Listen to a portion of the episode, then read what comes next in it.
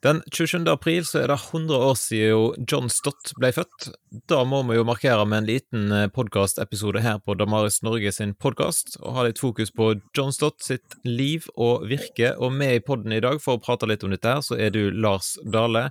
Er du en eh, John Stott-ekspert? Vel, eksperter kan jo være av mangt slag, og det er mange som vet mer om John Stott enn jeg vet, men jeg tror nok at jeg har en god oversikt over noe av det viktigste. Og det er jo sånn, eh, Kjetil, at i Damaris Norge så er John Stott en av de som vi siterer mest, og som har vært en av blant de fremste inspiratorene våre. Så det kommer vi tilbake til litt senere i samtalen vår, men eh, ja, la meg kalle en, en ekspert, selv om jeg sier at mange andre er enda større, eller dypere ekspertise enn jeg har. Jeg tror folk etter hvert her vil, vil skjønne at du, vi kan nok kalle deg en liten ekspert, iallfall. Eh, jeg trodde jo lenge at han het eh, John Scott, men eh, der er det sikkert dysleksien min som, som spilte meg et lite puss. Det er altså John Stott. For de som ikke kjenner han så godt ifra før, hvem var denne mannen her? Kort fortalt så ble altså John Stott født, som du sa, for 100 år siden.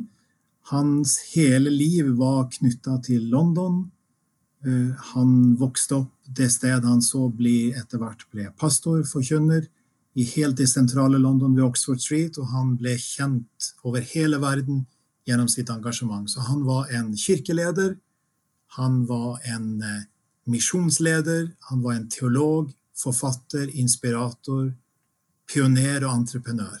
Kjenner du til historien om hvordan han ble en kristen? Jeg vet at han vokste opp i et hjem som eh, kan vel karakteriseres som, som eh, fremmed for kristen tro. Faren var en anerkjent lege. og Så kom han med på, på leirer, en legendarisk eh, kristen leirleder. Og, og, Det var gjennom de leirene som han og mange med han fikk et avklart forhold til kristen tro. og Det var i slutten av tenåret. Hva vil du si kjennetegner John Stott sitt eh, liv som kristen? Ja, På det personlige plan så var John Stott i beste forstand en from person, en person som levde nær Gud både eh, i eget liv og i, eh, i eh, som f.eks. For forkynner. Jeg har bildet veldig tydelig for meg når, når, han skulle preke i All Soul Church, og vi er tilbake til, til 1991, når jeg, jeg, og min kone Margunn hørte ham der, så, så husker jeg at han, han, på en veldig naturlig måte knelte før han skulle preke, og, og, hele han var på en måte preget av en ydmykhet. Og det er mange som, som kjente ham svært godt, som sa at han var den samme. Uansett hvilket rom og hvilken arena han møtte ham på, så var han preget av ydmykhet i møte med Gud. Og det fortelles bl.a. om at han rammet inn dagen med en sterk bønn om å overlate sitt liv i den treenige Guds hender og få lov til å være til tjeneste for Gud og til nytte for andre mennesker og til fremme for Guds rike i løpet av den enkelte dagen. Han må jo være det en kan kalle for en pioner. Hvordan så dette her ut i, i livet til John Stott? Ja, Det er jo interessant, for han forener ting som ikke alltid kobles som gaver hos en og samme person. Sånn at en person kan være forfatter, Eh, og anerkjent som det, eller kan være forkynner, eh, altså formidler offentlig i kristen menighetssammenheng. Eller en person kan være en som er pioner og starter opp nye virksomheter. Men jeg tror at han så at for at innflytelsen, eller det kallet han så, hva han mente var viktig, skulle få eh, vedvarende virkning, vedvarende betydning, så var det viktig at det ble institusjonalisert. At det ble noe som lå igjen etter han. Så jeg vil, at, vil si at han var en, en person som, som brøyt ny mark på en rekke områder, både innenfor sin egen kirkelige sammenheng, eh, den anglikanske kirken, innenfor den verdensvide lagsbevegelsen misjonsbevegelsen, og innenfor Eh, en rekke andre samfunnsområder og kirkefelt. Så det er utrolig interessant, syns jeg, å se på hans liv i lys av John Stott som pioneren. Kan du fortelle litt om eh, noen av de tingene som han var med å starte opp? da? Ja, Som pioner så vil jeg særlig nevne tre ting eh, som står igjen etter han, og det første er den globale misjonsnettverkbevegelsen Lausanne. The Lausanne Movement. Og Det var riktignok Billy Graham som var den som tok initiativ, og som var vertskap for den første kongressen, som det kalles, da, den globale misjonssamlingen i 1974.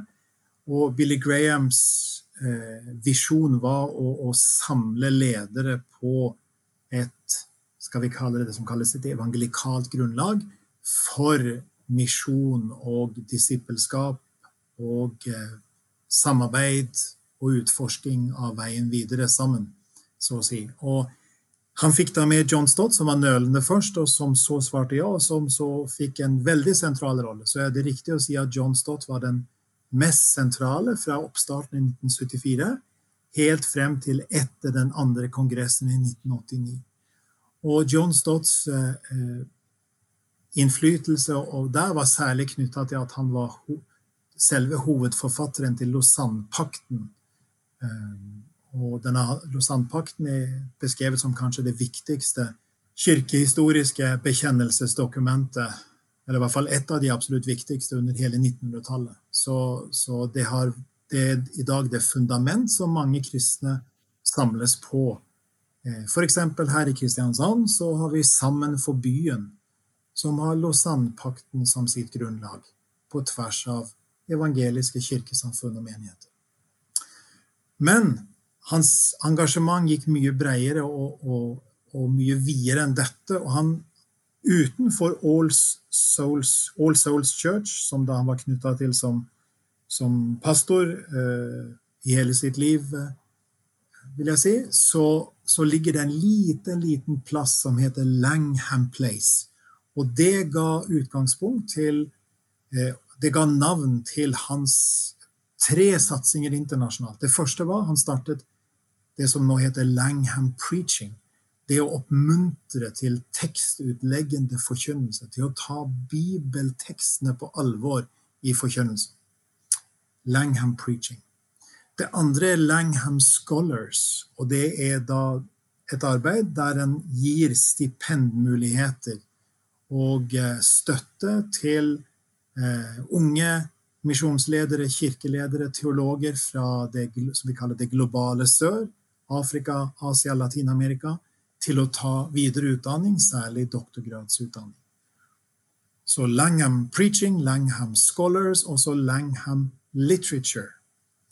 Langham Literature det betyr litteraturspredning, igjen i det globale sør, der han var opptatt av å spre god litteratur, at eh, en trengte det som gode verktøy, gode midler, eh, for at en kirke skulle kunne vokse eh, i sin sammenheng. Så når vi ser denne strategiske tenkningen, koblingen mellom forkynnelsen, ledere med en solid utdanning på, på et høyt og godt internasjonalt nivå, og så litteraturspredning til både til eh, kirkeledere, til forkynnere, til ungdomsarbeidere, men også til folk flest.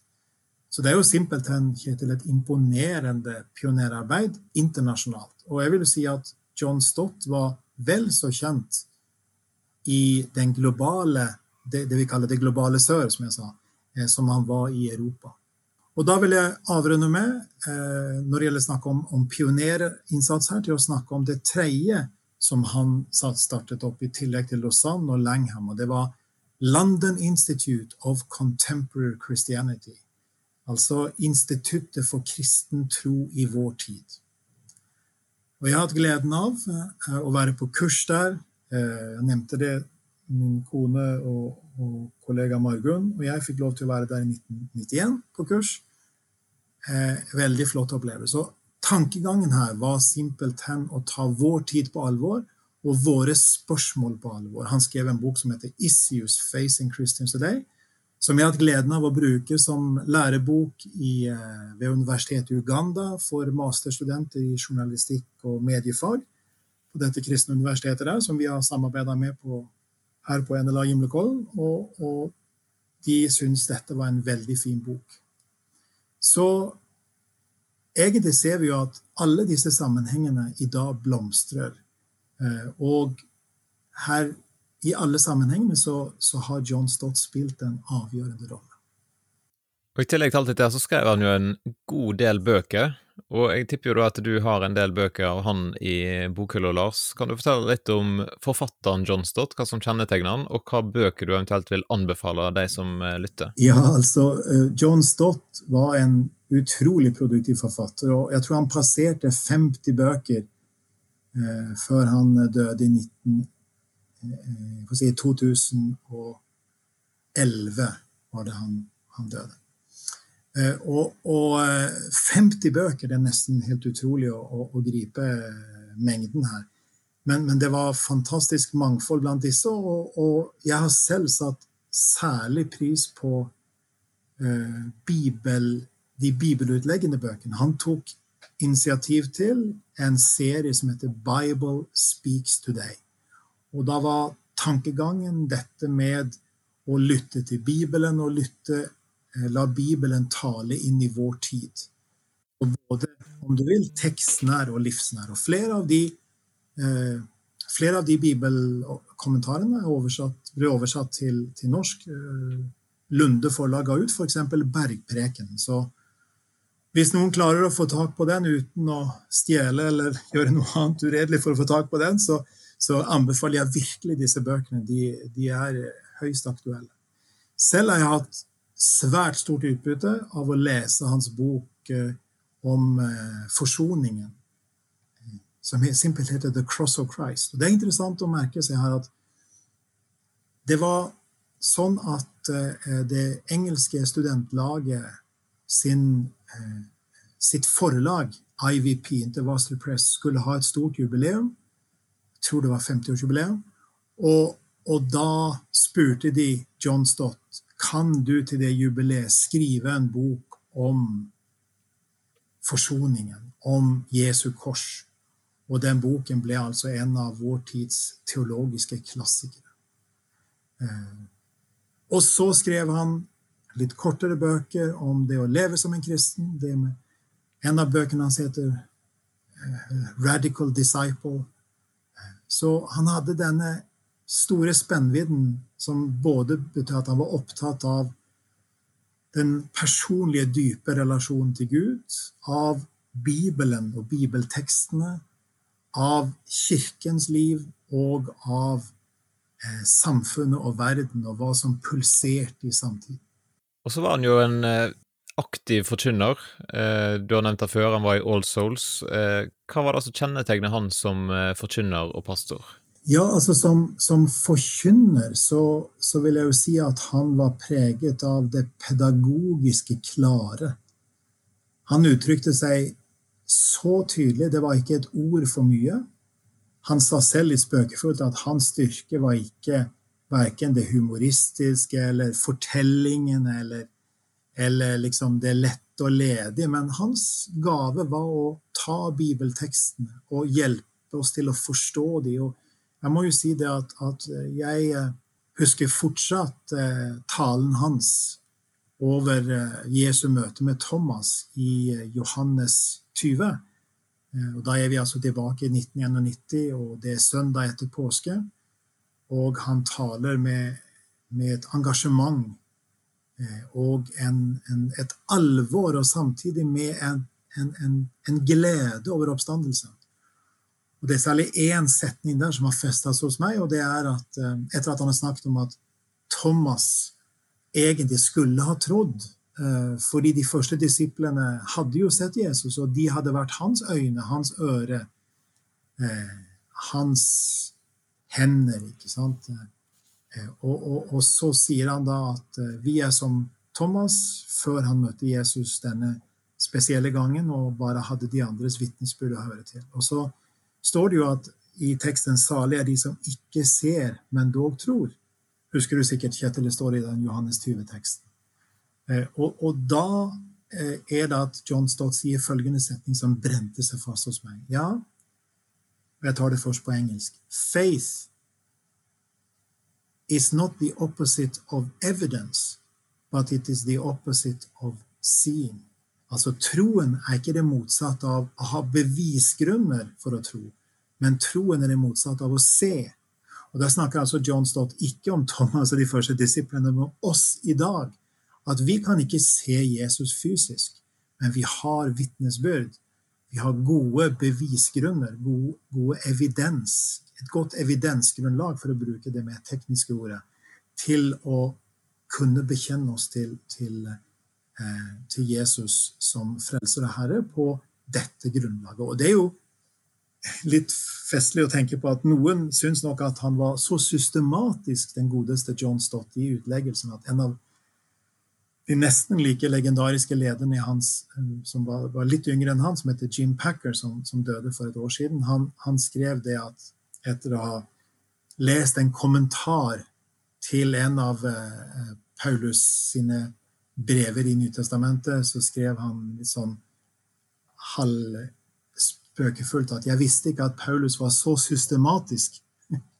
Og Poenget var da at eh, John Stott lagde et veldig sånn systematisk utleggende skjema på dette, som kanskje var Syns denne Jim Packer kanskje var litt mer enn det Paulus akkurat hadde ment. Og kanskje det men, men det, det, må så være. Men, men mitt, jeg sitter igjen med både ved å ha hørt han litt, grann, eh, også ved opptak, hørt han en del eh, i prekenopptak, og, og, og, og, gjennom hans bøker, bibelutleggende bøker, at en lytt, fikk lytte til bibeltekster på en helt spesiell måte. Det er jo det Martin Luther sa, eh, at det er faktisk Jesus selv som kommer til oss gjennom bibelteksten og taler til oss personlig. Eh, det erfarte jeg i møte med John Stott. Og som en sa eh, En visste det at John Stott hadde, før han talte, forkynte, så hadde han selv vært innenfor Guds åsyn og møtt Gud selv før han møtte forsamlingen, og det preget han dypt. Vet du, Er det mulig for oss å lytte til John Stott i dag? Ligger det ute noe på nett i en podkast eller på YouTube? eller sånn? Har du sjekka det? Ja, altså det beste måten til All Souls Church sin nettside. Det er bare å søke på All Souls Church, og så uh, og så finner en, da kan en søke etter John Stott som taler. Det ligger mange, mange prekener. Så det er bare å ta for seg og uh, lytte til en eller her er det mye fint å, å lytte til. Og det er viktig å, å, å, lære fra de som har gått foran, tenker jeg. Og han er i høyeste grad en, en lærer som vi kan, en bibellærer som vi kan ta til oss veldig mye fra. Et begrep da som John Stott er kjent for å ha skapt, da er dette her dobbel lytting. Eh, og har du hørt noen episoder av podkasten her på Damaris Norge, så har du sannsynligvis fått med deg det, men uh, sier du at noen ikke kjenner det begrepet, hva vil det si, Lars? Ja, og nå kunne vi jo som sagt kun fokusert på det, Kjetilsen. Dette må jo være nokså kjapt, må det ikke det? Jo, det tror jeg det. Så double listening, dobbel lytting to the word and the world, til ordet og verden eller samtiden. Og det som preget John Stott, var ikke minst det. Og det har ligget egentlig under mye av det vi har snakket sammen om nå, at han hadde det som et dypt kall som preget ham. Det å lytte nøye, med respekt for Bibelens autoritet, til hva sier Bibelen? Og så lytte til samtiden. Ikke for å bøye seg for samtiden, men for å forstå samtiden og for å ha medfølelse med samtiden. Og så la budskapet fra Bibelen møte samtiden, slik at både en bygger en bro i betydningen at en kan bekrefte ting, og at en kan utfordre ting. Så dobbellytting er å lytte til Bibelen og til samtiden, to the word and the world. Yes, og Vil du finne ut mer om det, så går det an å gå inn og søke de ulike podkastene vi har hatt, eller inn på Snakk om tro, så finner du òg en del eh, ressurser knytta til dette her med dobbeltlytting. Men eh, du Lars, har har ikke bare lest bøker og lytta til taler av eh, John Stott. Du har òg møtt han personlig, har ikke du det? Hvordan var det? Jo, det var en stor opplevelse, det. Og, og jeg vil særlig eh, Jeg hadde så vidt møtt han under et besøk, tror jeg, i Norge.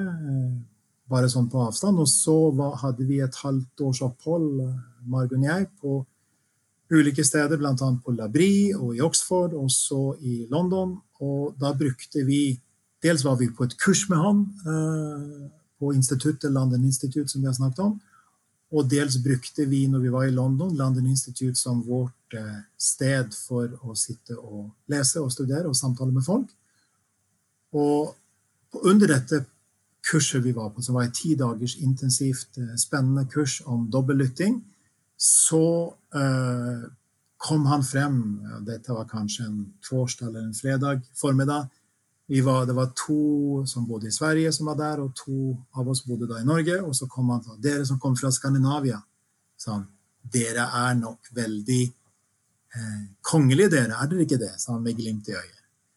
Nei, det visste vi ikke helt hvem vi kunne si at vi var, men vi eh, måtte jo erkjenne at vi også hadde, hadde kom fra monarkier. Så sa han jo, jeg vet ikke om dere vet det, men jeg er chaplain to the queen.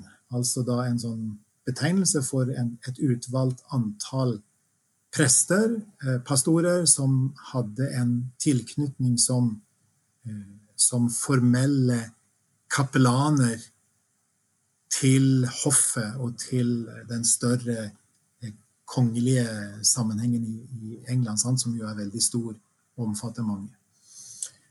Og så sa han jeg fyller nå 70 år. sa han, Dette var da i 1991, og dette er min siste gang, sannsynligvis. Uh, har dere lyst til å bli med på, i St. James' Palace på søndag formiddag? Uh, da uh, så dere, er dere hjertelig velkommen til det. Så kan dere komme hjem til, til meg på, på, middag, eller på lunsj etterpå. Jo da. Så det kunne, kan ikke fortelle alt eh, da, men bare nevne glimtvis at vi han, husker, Hva han sa da, var, var Han sa at ja, og så leser jeg én ting. I denne sammenheng kommer jeg å møte mennesker som ikke vanligvis går i kirke, i en kristen menighet. Eh, kan dere være med og be om at jeg får si noe som når til, frem til de?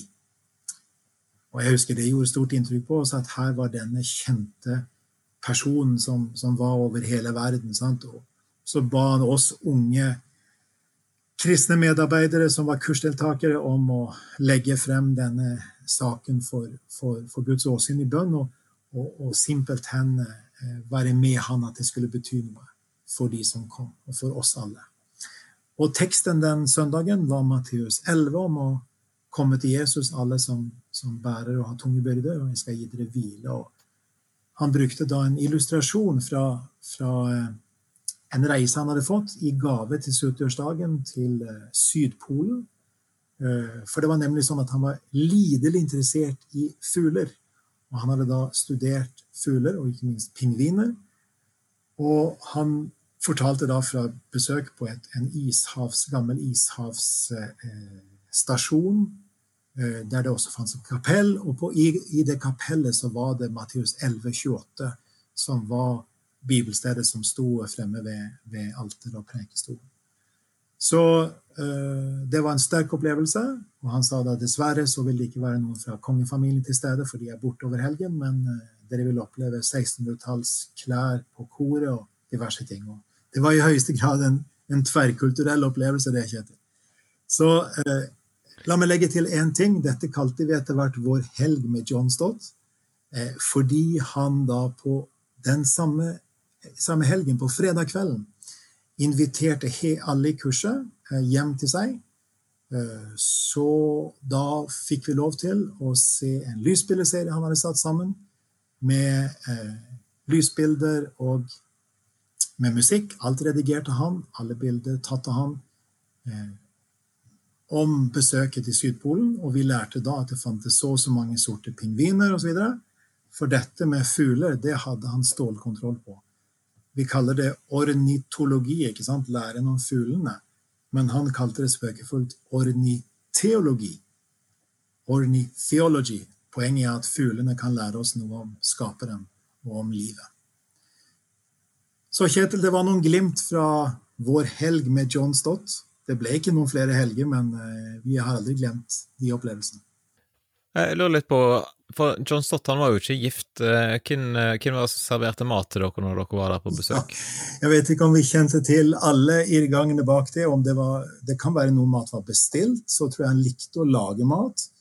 Nå hadde han jo ofte oppdrag, og sånn, så han hadde en, en folk som hjalp til. Han hadde en, en sekretær som jobba med, med, den delen av livet hans. og Han hadde studie, hva heter det, sånn forskerassistenter, study assistants, og han hadde også husholderske til de, det tror jeg. Så det var et batteri med folk rundt som, som hjalp. Og for øvrig kan vi nevne det, Kjetil, at, at det sies at han var så rask i gangen helt opp, langt opp i 80-årene, og så utholdende i arbeidet at han nesten sleit ut unge eh, research-studieassistenter som var noen og tyve år. De klarte ikke å følge han verken i speeden i farten, i speeden i tenkningen, i speeden i arbeidet helt. Så det sier litt om at her var det et enormt energiknippe av et menneske som samtidig så og møtte mennesker rundt med en vennlighet, men forventet mye av andre som han forventet av seg selv. Men da med at han ikke var gift, eh, hvordan tror du det preger livet hans og tjenesten hans? Jeg har vel forstått at det var ikke mangel på tilbud. Altså damer som var interessert i å knytte nærmere kontakt, skal vi si det sånn. Men, men opp, han opplevde seg jeg tror jeg, ledet av Gud til å velge dette livet. Eh, og det er klart at, at, på den måten så fikk han en eh, global familie. Og det interessante her er at eh, han internasjonalt fikk et kallenavn. Han kaltes Uncle John, altså onkel John. ikke sant? Og, og det beskrev at det var på en måte en slags familierelasjon som preget hans eh, relasjon, hans måte å forholde seg til, eh, til kristne brødre og søstre. Ofte litt yngre eller mye yngre. Han skrev veldig mye, mange, mange brever. Han holdt kontakt. Hans eh, bønneliv for andre var, var stort og, og, og, preget dette. Så, så vi eh, Jeg vil tro at, at alle som er en sånn opplevde at her hadde han fått gå inn i et livskall som for hans del betød at han hadde valgt å ikke gifte seg. Han tok også andre valg, f.eks. Han fikk en rekke spørsmål om å stille som biskop. Uh, bispekandidat ikke sant, til, til, valg, og ville jo vært en selvskreven biskop, men mente at det var ikke hans kall.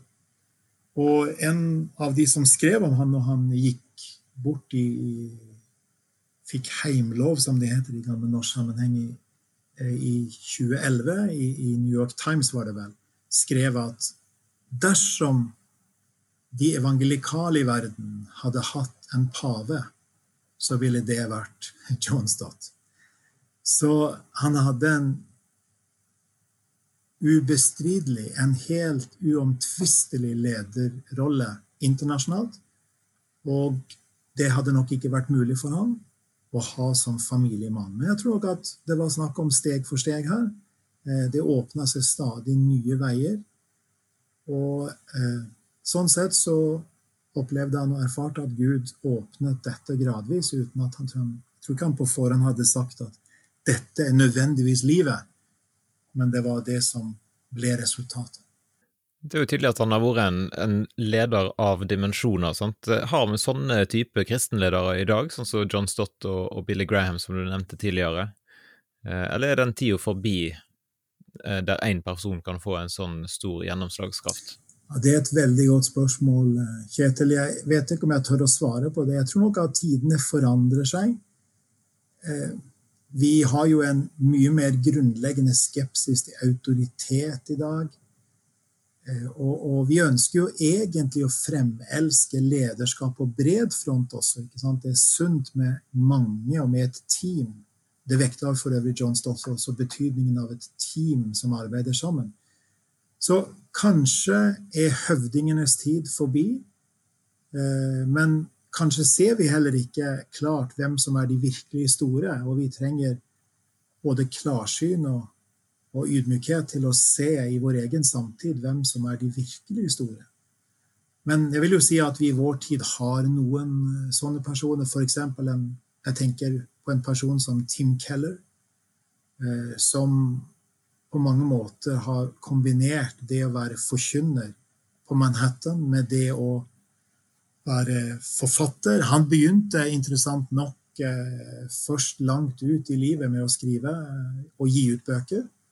Og så har han da startet en rekke ting eh, som bærer hans navn. Nå er det ikke han vi snakker om her primært, men, men du spurte om vi har noen lignende. Og han er ikke en kopi av John Stott, men opplagt har han andre arenaer som, som John Stott ikke hadde vi har en person på et helt annet område som, som vi kunne nevne f.eks.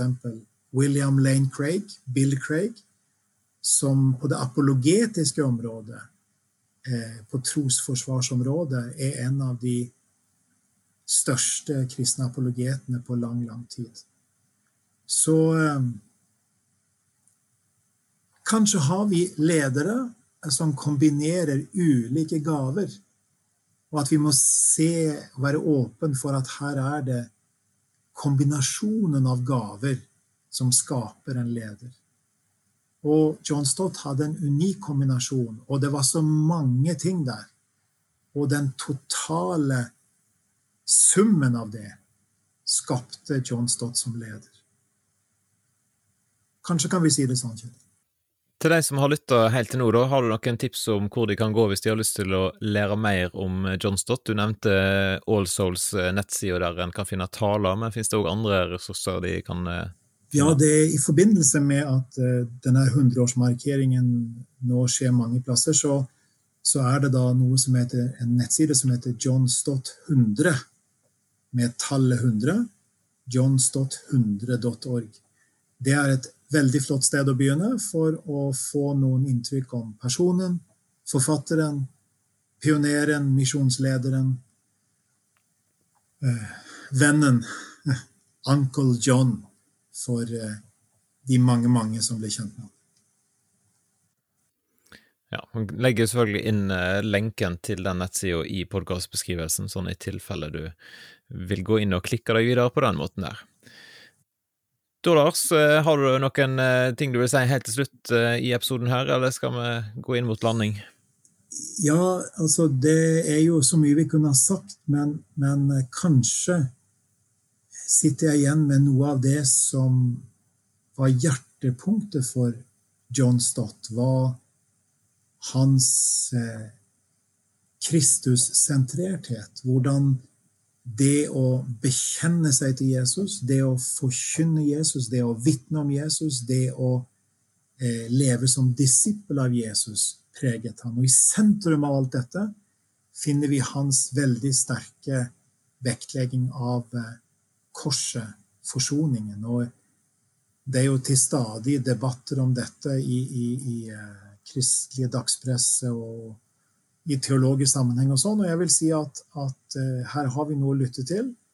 Det som John Stott hadde å bringe. Og noe av kjernen i det er at han vil si at hjertepunktet i kristen tro er bekjennelsen til Jesus som den som er den levende frelseren og Herre, som var vår stedfortreder.